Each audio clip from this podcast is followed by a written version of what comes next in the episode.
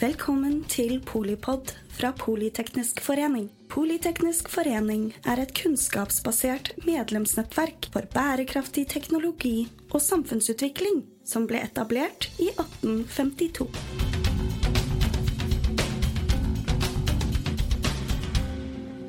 Velkommen direkte fra Arendalsuka til eh, Polipod med Kjetil Digre, som er eh, konsernsjef i Aker Solutions. Takk. Vi skal snakke om å bygge energinasjonen. Da ligger det vel litt føringer i eh, hva vi burde snakke om når vi snakker om politikk, da, Kjetil? Ja, altså, kanskje å måte se litt tilbake. Da. Så, hvordan er vi har blitt en energinasjon? Liksom, hva, hva innebærer det å være det? Uh, jeg kan ikke hele historien, men, men, kanskje du kan dele det ganske enkelt i to faser. Med alt det som starta rundt, rundt, vannkraft, og hvordan det mm. ble ikke bare den rene energien som vi er stolt av i dag, men som også var starten på å bygge en del kjernekompetanse som ble til, eh, ble til uh, bedrifter som har også da fått relevans i den neste fasen som var olje og gass. Mm. Og det er sånne typer skifter. Da, og Olje og gass ble jo, ble jo voldsomt stort. Og ikke, ikke, bare på en måte håndterte norske olje- og gassmuligheter, men ble en kjempestor eh, eksportartikkel. Så, og, og, da energinasjon er jo i, i, mitt hode mange ting. Det er jo liksom det å ha det. Vann eller olje og gass. Det å, å disponere det gjennom myndighetssamarbeid og mm. utviklere à la Equinor, Aker BP, Statkraft.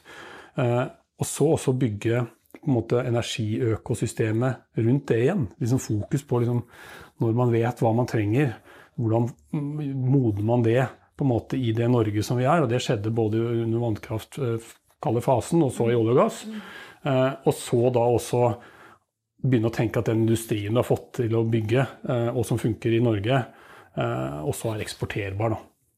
det er jo langt fra alle land som har fått til en sånn tre, tretrinnsrakett. Ja, ikke sant. Så det er vel masse gode valg av folk som ser at, at da Norge skal utvikle seg nesten eksponentielt gjennom disse mulighetene. Og så har de mm. liksom skjønt at det er det som skjer, og så har de tatt noen innmari gode valg. da. Så jeg har sagt noe, noen ganger, og andre har også uh, sagt til meg, at uh, La oss si at du spoler ti år fram. Og så ser du deg tilbake på den fasen vi står oppe i nå, som egentlig har vært veldig sånn kriseorientert. 2020, mm. covid, olje og gass. Man skjønner klimakrisen. Uh, man våkner ikke sant, for det. Og da Hvilke valg tok vi da?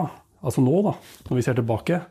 Som vi på en måte vil være like stolte av som vi har vært av en del interveneringer av enkeltpersoner og politikk og annet, særlig olje og gass. da. Mm.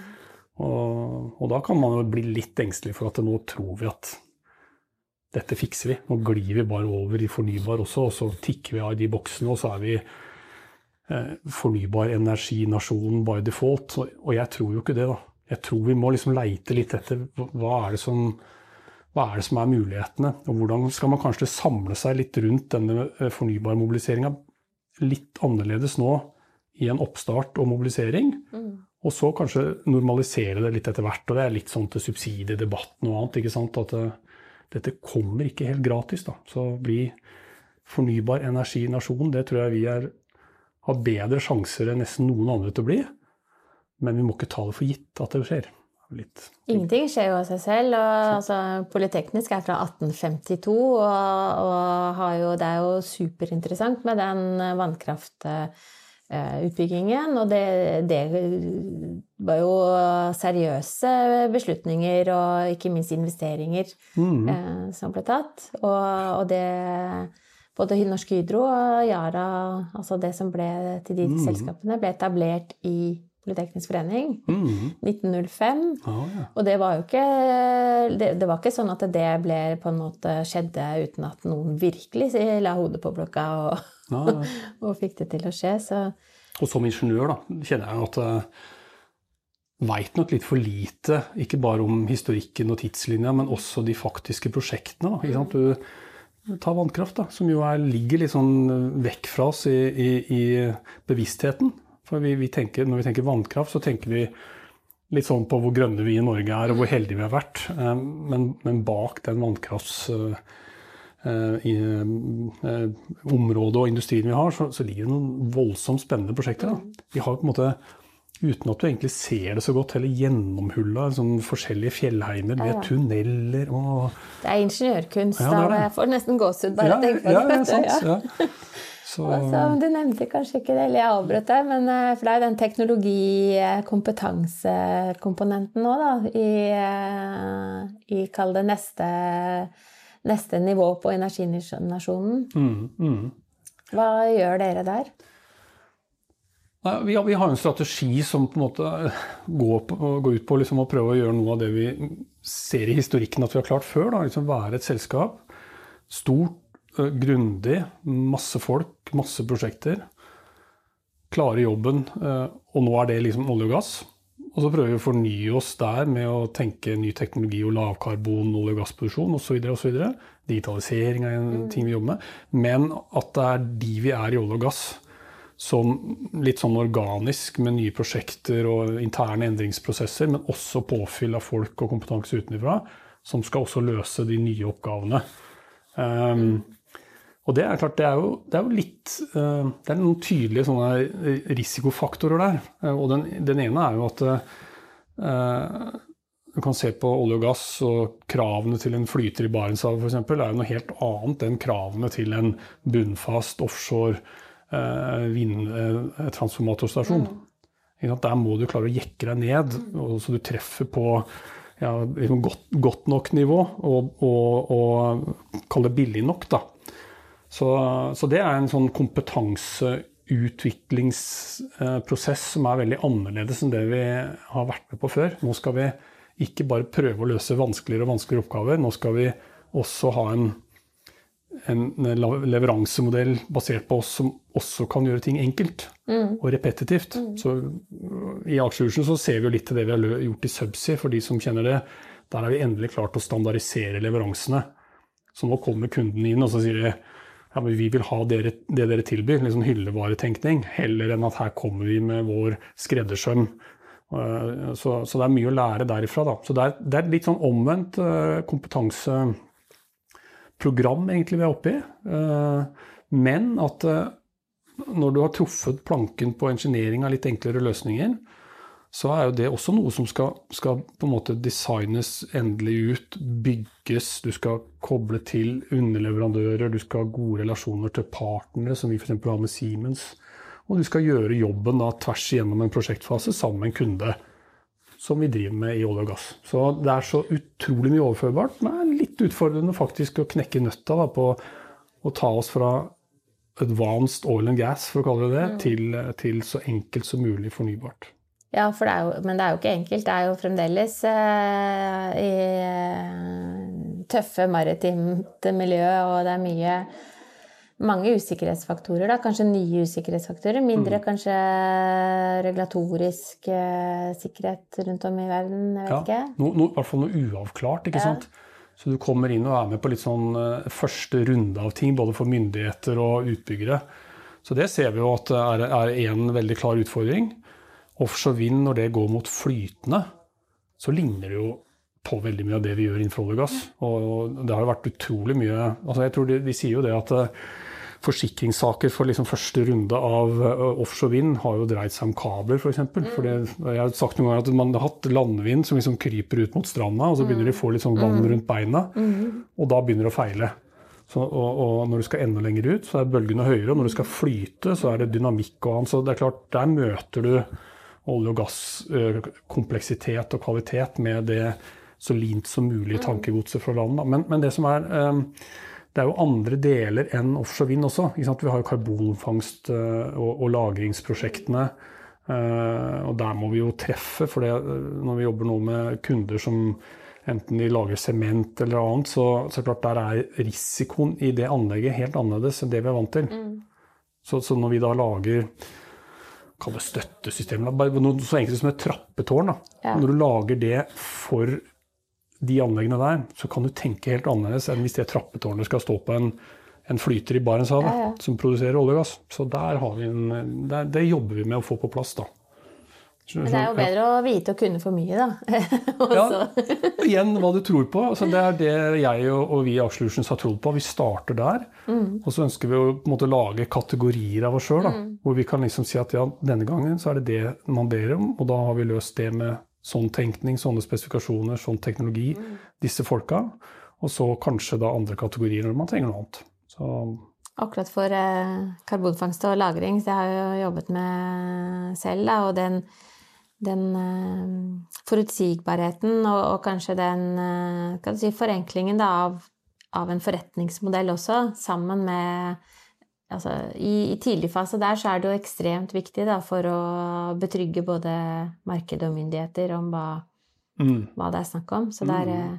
Men det, du sitter på en kompetansebit, da, og, og, du sa knekt nøtter, da. Men mm. uh, jeg husker godt den fine filmen, da. Hvor vi har knekt verre nøtter før. Ikke sant. Det er genialt. Ja, mm. og det er jo eh, Altså, vi har et eh, veldig oppegående studentnettverk i Politeknisk, da. Og det er jo de fremste eh, kommende ingeniørene, teknologene, men også på en måte samfunnsvitere og jurister, og veldig tverrfaglige, da. Mm.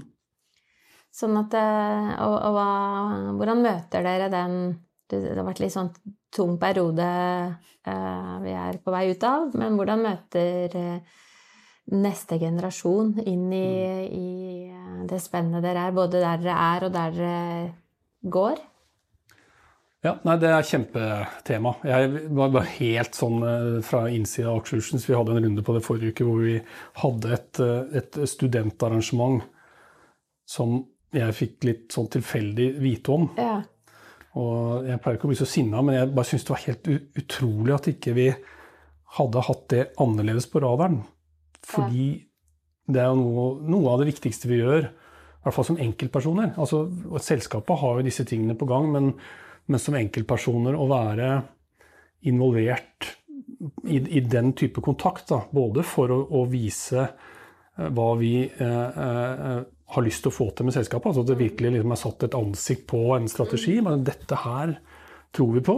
Eh, neste er på en måte at de vi da møter, kjenner at eh, det er en prioritet. Mm.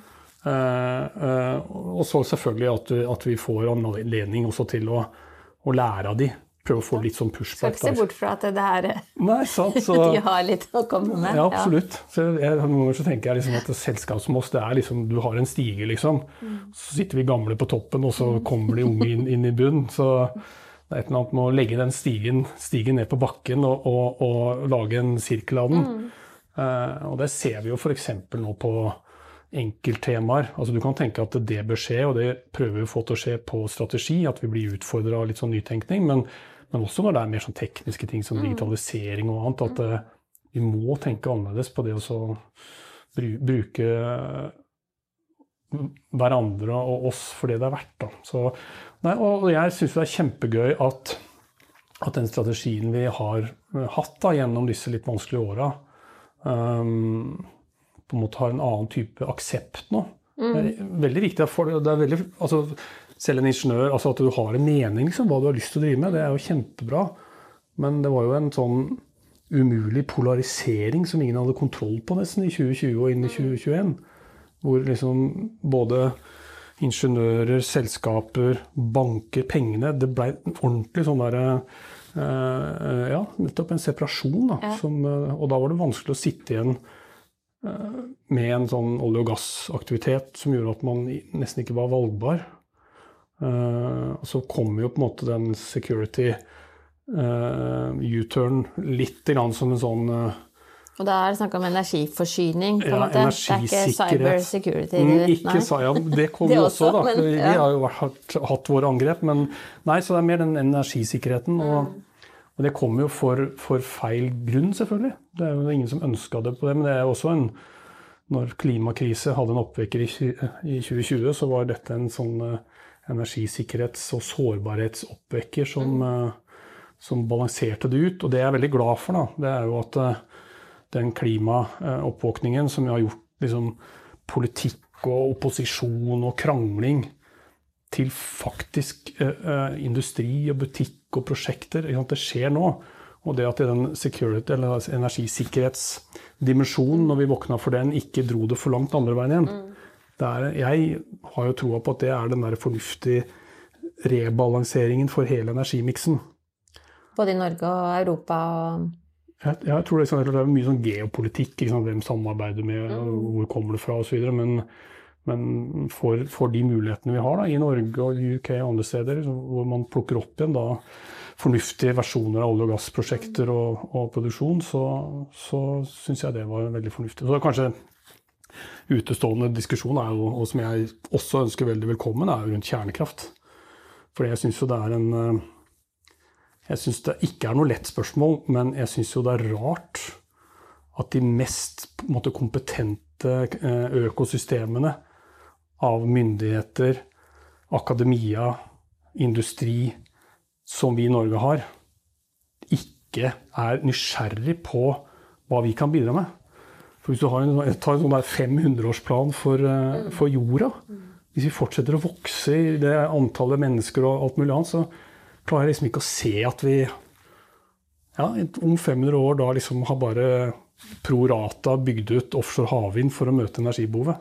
Da tror jeg man er inne i et landskap hvor man har løst og knekt nøtta rundt kjernekraft på et litt annet vis. Da. Så bare, og Det kan godt hende man aldri skal gjøre det i Norge, og sånn, men bare det å være nysgjerrig på det og nærmest i en sånn dugnadsmodus bruke oss i Norge som er relevante for det, til liksom å kappe litt land. da, Komme litt inn og skjønne mer. og ja, Det tror jeg Nei, jo, burde gjøre. Det er ikke så lett å forstå at det at det kommer til å ta for lang tid på en måte, til, til det er på nett, liksom, som grunn til at man ikke skal uh, vurdere det. Da. For det er jo veldig mange ting som kommer til å ta for lang tid ja, ja, ja. i forhold til 2030-målene eller kanskje også 2050-målene. Og så er det Absolutt. Så det en, eh, men det er jo en reell skal du si, dilemma rundt kompetanse og hva, mm. hva, vi skal bruke egentlig alle hoder og hender til. Ja. Så det er jo eh, kanskje det, mer forståelig det, tenker jeg. Det er jo kamp om hoder og hender mm. inn, og kanskje det er noe annet som er viktigere å, å prioritere, da, rundt ja. det vi allerede er, er, i gang med, på en måte. Ja, Nei, og det er jo og jeg er ikke noe ekspert på området, men det, og det, de er jo også avhengig av en naturressurs. Men, ja. men, men jeg innbiller meg at innsatsen for å på en måte få den naturressursen på plass, og så kapsle det inn i teknologi og prosjekter, det tar lang tid. Mm. Men, men, tenk for Norge, da. Så nå på en måte har vi har vi leita på mye av norsk sokkel etter olje og gass. Vi har vært i de strukturene som vi tror det kan inneholde noe mm. i. Ehm, og, og, tatt det ut. Uh, begynner å tro at det kanskje ikke er så utrolig mange av de kjempesvære igjen. Samtidig, hvis du ser på Nordsjøen, så er det uendelig mange flere brønner der enn i Barents, så du kan ha sånne diskusjoner. Men, men altså, tilgangen til fornuftig olje- og gassoppsett er, er, går gjennom en veldig sånn risikofylt og langvarig letekampanje. Som etter at Sverdrup ble funnet, 2009-2010, så tok det ti år før det var ferdig. Og det ble sett på som veldig, veldig raskt. Da. Mens uh, har du kjerneteknologien og tilgang på materialet, så tror jeg ikke det tar så voldsomt mye lengre tid å bygge. Særlig ikke de nye variantene. Da. Mm. Men dette var sikkert ikke ment å være en sånn kjernekraftdebatt. Men jeg bare syns ja, energinasjon har flere ting i seg, og jeg mener at uh, det er utrolig spennende å jobbe med energi, for det er så, det er så avgjørende. Det er det mm. som har liksom forma menneskeheten. At vi begynte å mestre. Og så sitter vi der nå som Norge og skal liksom sortere veldig. Og det, jeg syns det hadde vært bedre hvis vi hadde vært nysgjerrig på det andre også, da. Må jeg si. Ja, nei, det er jo uh, nødvendig, tenker jeg, for mm. uh, altså uh, for videre velstandsutvikling, så er det jo det. Og så er det jo mm. ikke bare for vårt eget lille land, men Altså dere er jo globale, og, og dere har globale partnere. Mm. Energisystemene og energimarkedene blir mer og mer uh, internasjonale. Mm. Mm. Uh, og så er det Men det er jo noen kompetansefortrinn vi har til sjøs, da. Mm. Og, det, og, det, dere er uh, på en måte ypperste eksempel på. Hva, hvor ellers i verden er dere? Altså vi Hvis vi bare spoler bitte litt tilbake, så er vi i ferd med å inngå en, en eh, subsea, altså undervannsavtale, for å kalle det det, med Schlumberger, SLB, hvor ond Subsea og vår subsea-forretning går sammen til ett kjempestort, spennende selskap. og Subsea 7 skal eie 10% og det tror jeg kommer til å bli eh, ja, Innenfor subsea og, og da olje og gass tror jeg ikke det er noe mer spennende sted å være enn det. Det kommer til å være jeg tror vi må ha et eget arrangement med powerpoints på den. Helt enig, og det, det gleder jeg meg til. Nei, og, men, men, men det, det, området det, Vi slipper jo ikke helt tak i det. Så vi, vi har jo generelt innenfor engineeringavdelinger og, og, og, teknologimiljøer og alt mulig annet, så har vi nettopp den der havkompetansen som en nøkkelfaktor. Så selv om vi nå jobber mye med landbaserte prosjekter, så er det, er det nok den havboksen vi tikker av tydeligst i. Mm. Og, og, særlig i og med at du kan mestre den røffeste varianten av det. Igjen Barents, hvis du liksom, tenker på den analogen. Uh, så syns jeg jo det er kjempespennende. Uh, og for oss da, uh, med det vi nå skal satse på, sånn havkompetanse, så er det jo veldig mye av det som trengs. Også det vi lærte oss underveis i subsea olje og gass, som er relevant for, for offshore vind særlig. da, mm. Flytende særlig. Men der vi er, og blir jo, det blir litt annerledes når den, den subsea-delen går ut. Da blir vi litt mindre der ute. Mm. Men vi er jo fortsatt til stede, tungt til stede i Canada. Vi har eh, en USA-organisasjon eh, gjennom vannkraftdelen av oss, som vi jo kjøpte tilbake. Og så har vi prosjekter i Sør-Amerika og Asia og andre steder. Vi har en utrolig viktig del av oss i India. Ja. Og det er ganske spennende, for India er jo av mange sett på som sånn lavkostbidragsyter til noe mer avansert og dyrt, særlig i Vesten. Men det vi gjør nå, er å på en måte se ref det jeg sa i sted om å, å lage en annen versjon av oss sjøl, som treffer planken på mm. lønnsomhet på et annet vis. da. Eh, så, så, er India kompetansemiljøene våre veldig spennende som startpunkt. Både for å utvikle en litt ny måte å levere på, litt mm. andre teknologier og sånn, men også for regionale prosjekter. Mm. Det skjer jo, ikke sant, Er det steder hvor Ganske stort marked. Stort marked, mye jobb å gjøre for å få ting ordentlig på stell. Ja. Ja, så er vi jo i Asia, vi er eh, i forskjellige steder i Asia. Kuala Lumpur bl.a. med ingeniering. Nettopp. Mm. Det må jo være gøy å jobbe um, med så mange kollegaer overalt, og ja. med så uh, viktige oppgaver. Det er, og det er jo dette med vi, vi, snakker om energinasjonen Norge i dag, men det er jo en uh, kloden mm. trenger jo Det er jo energisystemene globalt som virkelig må løses, da. Ja, ja. Med de ulike kildene. Du ser jo noen sånne debatter, og det er litt blant politikere, men også selvfølgelig når vi, når vi ser på effekten av det vi gjør av prosjekter, så er det noen som trekker liksom landegrenser. Ja. For eksempel Er vi bedre enn svenskene? Ja. Og det, det er jo det absurd. viktigste, da. Ja, men, ja, viktigste er ikke å vinne, men å slå svensken. Nei, men er, jeg er helt enig i at det er veldig bra å ha ha den, uh, den, driven om å, å være, være, god og gjerne bedre. Men, men, så er det akkurat det du sa, da, om at energiløsningen og, og klimakrisetematikken er, er, ser jo ingen grenser. da. Mm. Så det er jo helt sånn pussig å, å, bli litt sånn I hvert fall ikke under vann. Nei, ikke, i hvert fall ikke det. Det, må, det å være da liksom litt sånn selvgod ja. og tenke at nei, nå vi, kan vi tikke av i vår boks, liksom. Det, det er ikke godt nok. Så, så jeg syns jo Særlig fordi det vi kan ha med mye med hav og land å gjøre. Vi kan ikke også bygge en ny fabrikk i, i hvert eneste land som skal drive med offshore vind. Så, så, rundt eh, kan du si Nordsjøbasseng og, og mm. liksom tilgrensende land bør man jo bare leite etter samarbeidsmodeller. Mm. Så alle ønsker jo forretning og arbeidsplasser og sånn. Men hvis du ser på tallene, så er det jo ikke nubbesjans til å møte de ambisjonene ja. i Europa. Hvis Nei. Europa skal levere til europeiske eh, ambisjoner rundt uh, offshore havvind, så er ikke det på plass i det hele tatt. Det er jo 1000 turbiner i året. Uh, bare i Norge så er det vel, husker jeg tallet etter, 100.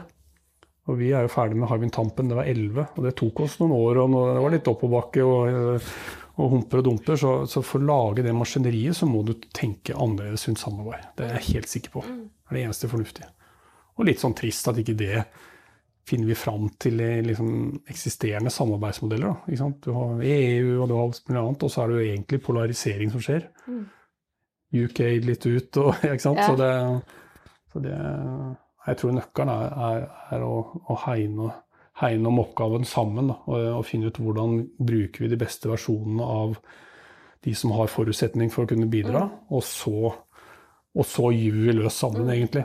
Så Det ønsker jeg særlig for den norske debatten, at ikke hver eneste liksom, kaikant i Norge skal konkurrere head to head med hverandre for å kanskje få noe aktivitet. For hvis du zoomer ut, så ser du at eh, det som vi tilbyr, hvis du summerer det, så er det allikevel ikke nok. Og det er litt tilbake til den der mobiliseringsperioden vi er i. Nå må vi tenke annerledes for å få den derre ta et sånn step change, nærmest. ikke sant, Og få dette på plass. Og så kan vi jo begynne å konkurrere normalt igjen, tenker jeg da. Så nå er det jo lokalvalg, og, og, selv et stortingsvalg vil jo ikke Fordi det er jo også en Du har nevnt EU noen ganger, men det er jo Dette er jo helt opplagt en kake som skal bake større jo flere bakere mm. du får med. Så det er mm. litt uh, er, vi, er vi litt sånn Altså må, må vi vente litt til før vi klarer å mobilisere og prioritere, tror du, eller er det er det noen gode råd? Ja, det, var, nei, altså det som vi har prøvd å si, er jo at når vi har vært med på ting kall det utaskjærs, prosjekter i UK og USA, så, så, ser vi hvordan inngangen til disse utbyggingene er annerledes enn olje og gass. Men det er jo auksjonsprinsipp, og, og, du skal treffe på det som er forventning om energipriser mm. i de regionene du leverer til. Og der skal man hele veien ha tenkt at dette skal vi klare å drive ned. Mm. Og så har vi fått en slags sånn motsyklisk eh, effekt av, av, både deglobalisering og korona og, og krig. Jo, og, og, også kompleksitet. Man har sett at det man begynte med, funka ikke helt. Det feila, umbilicals og whatnot. Det, bare, det, det funka ikke. Så du må ha mer robuste produkter inn. Så alt dette her drar oss jo egentlig til og vi ser at uh, man, man, må ha annen, uh, et annet rammeverk da, sånn, og andre forutsetninger for gjennomføring enn det som har vært så langt. Og, så det må, vi, det må, vi, gjøre noe med. Og du ser jo nå at disse auksjonsrundene i UK f.eks. Mm. har man jo begynt å, å snakke om kan bli low show or no show, nærmest. At utbyggerne ikke, ikke syns det er, er forutsetninger gode nok for å gå med på det. Og da ble jeg utrolig glad når jeg kan lese litt uh, i, i, media og LinkedIn og andre steder at uh, selv på utbyggernivå så har man begynt å, å se at ja, nå har vi begynt å si det til myndigheter. At dette er ikke uh, bærekraftig for oss.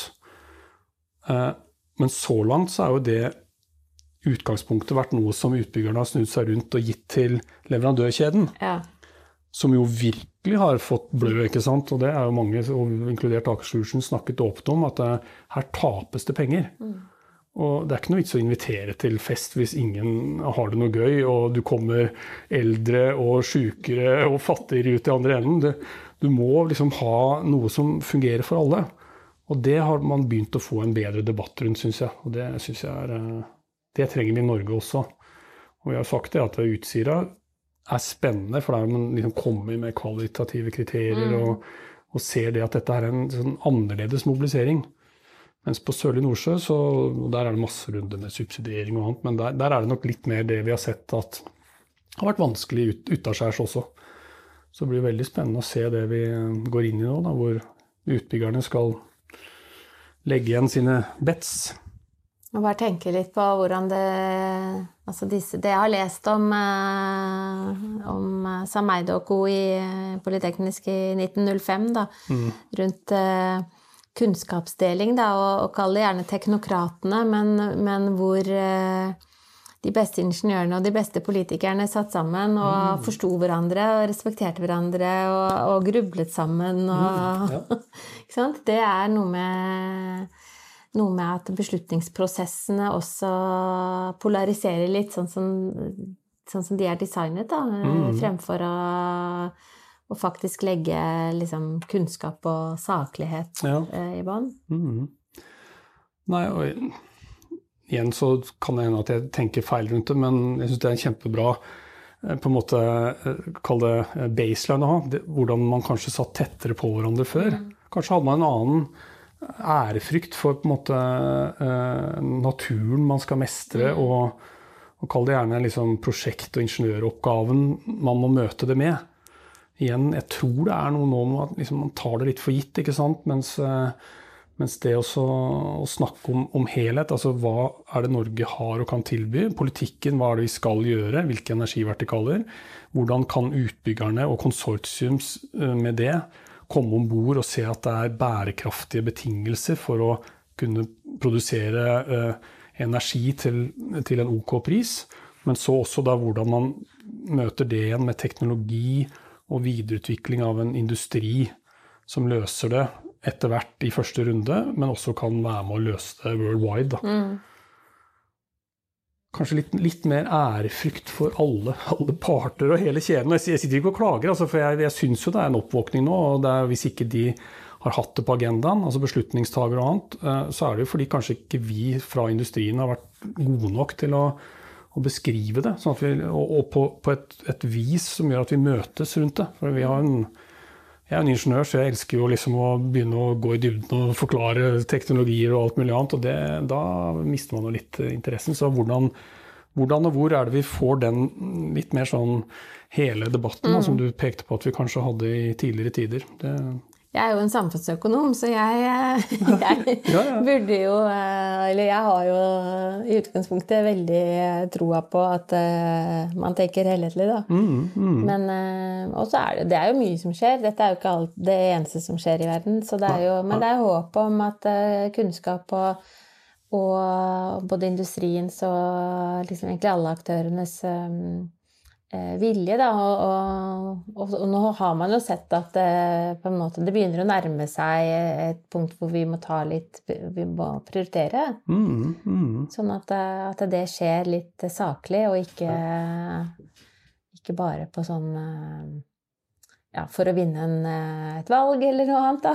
ja, det syns jeg er et kjempegodt tema. For at eh, man kan ja, Igjen så har ikke jeg full oversikt, men, men det er jo en polarisering der òg. Du skal liksom hele veien finne fram til en sånn Kall det en sånn svart-hvitt, et sånn svart-hvitt mm. utgangspunkt, og så skal man gå i debatt. Mm. Så, så, den derre Det å finne liksom common ground og være opptatt av løsninger, signalisere at man er usikker, her må, her må vi liksom samle oss og, ikke, mm. ikke bare tverrpolitisk på politisk hold, men, men, eh, men, på en måte på tvers av roller i, i hele, hele, samfunnet. da. Liksom med litt mer undring. Men nå er det akkurat som du sier, det er liksom valgkamp, det er, det er polarisering. Det er, vi kopierer kanskje mye av det som ikke er bra der ute. Heller enn å fortsette det norske som har dreid seg om samarbeid. Da. Ja, ja. Og tillit, og, og også Respekt. muligheten til å, å feile, men å, å, gå videre uten at det er liksom uh, slutt for alltid. Og, ja. Ja, Nei, vi kaller det jo dialog, vi da, og ikke debatt, med, ja, med vilje. For vi ønsker jo rett og slett at folk skal bli litt klokere, da, når de lærer litt av hverandre. Og, så er det mange prioriteringer alle må ta, men, mm. men det hjelper jo hvis du forstår Eh, jo mer du vet, da, jo bedre presentivt mm. beslutninger tar du. Ja, ja. Og tenke igjen hele Vær forsiktig så ikke kopiere andres uh, vokabularen, og da blir det tatt for å ha mm. feil holdninger. Men, men litt det der hele laget har jo også vært Norge. Mm. Det har vært plass til de visjonære, de som tar risker og, og, og tjener på det. Og, og, i hvert fall rundt de og der det skjer, så er på en måte alle med på at det er bra. Nå skjønner du sikkert hva jeg snakker om, da. Mens når vi da løfter oss til liksom høyere nivå nå, så virker det som om man kjenner at nei, man skal klare seg uten. Industribyggerne, man skal klare seg uten. Sånn som det var i hvert fall for halvannet til to år siden. Olje- og gassindustrien. Nå har det eh, fått en rekalibrering, og det, det er bra. Men istedenfor å finne sammen, så så splitter man laget litt, og det syns jeg også er litt skummelt. Altså. Ja, det er jo få som eh, Så det er jo skummelt. Det er jo i hvert fall ikke smart. Nei, nei, nei. Nei, og så tror jeg kanskje til eh, ikke sant, eh, neste generasjon, da, enten det er studenter eller de, de som er liksom ferske i arbeidslivet. Mm -hmm. De de har jo også et annet verdisett i forhold til de vil, Og er vant til å jobbe mer tverrfaglig, er vant til å jobbe mer på tvers og er kanskje mindre lojale til ett og samme Mm. på en måte jobb, da. Ja. Men, eh, men kruttet i det ligger jo også i at man kanskje i større grad klarer å få til en sånn et samarbeid og et, en kultur for å respektere og lære på tvers. Mm, ja. Det ja, det, det er jo Noen ganger sier at livet er kort, men det er jo egentlig ganske langt. Da, og jeg husker da jeg begynte å bli voksen, så lurte jeg på når jeg kom til å kjenne at jeg eh, ble mindre relevant, og at jeg begynte å bli de som fornekta litt og ikke eh, slapp til det nye som skjedde blant de unge. Det husker jeg, det, jeg vet akkurat hva det var for noe, det var sagging. og, det, altså, det, ja? Så, og da tenkte jeg ok, ja, men, ja, da, nå skjer det. Og, og, det. og det tror jeg ikke er så veldig farlig, så lenge du bare på en måte erkjenner at man har litt sånn forskjellige referanser og preferanser. Det må man få lov til å ha, men så må man ikke bli sånn at eh, man litt sånn automatisk har at noe er, noe er bedre enn det andre. Ikke sant? Så, og det kjenner jeg jo at det er en sånn stor organisasjon som oss, hvor du både har generasjonene, du har disiplinene fra doktorgrader til operatører, og vi har masse kulturer. Norsk og søramerikansk og asiatisk. Så det å ha den derre Som selskap så har vi jo metodene, men rundt metodene så har vi masse av disse forskjellene. Og det, det er det spennende å jobbe med, altså. Og prøve å slippe til da, når vi skal modernisere oss og forbedre oss. Og Men eh, dere har jo hengt med en stund, så jeg tipper at eh, dere er innovative og, og både former og tilpasser eh, eh, egen virksomhet, og dermed neste energinasjonsnivå, tenker jeg. Tusen takk, eh, Kjetil Digre, Jo. konsernsjef i Aker Solutions.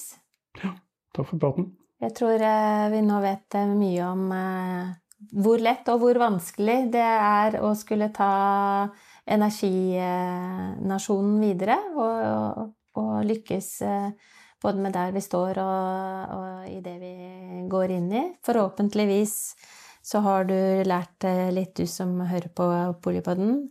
Takk for at du hører på og, og jobber med eh, det du gjør i, i en spennende, omskiftelig verden. Takk for at du lyttet til Polipod fra Politeknisk forening. Få med deg flere episoder, eller bli med på nettverksmøtene, som du finner ved å søke at polyteknisk, eller gå på vår hjemmeside polyteknisk.no.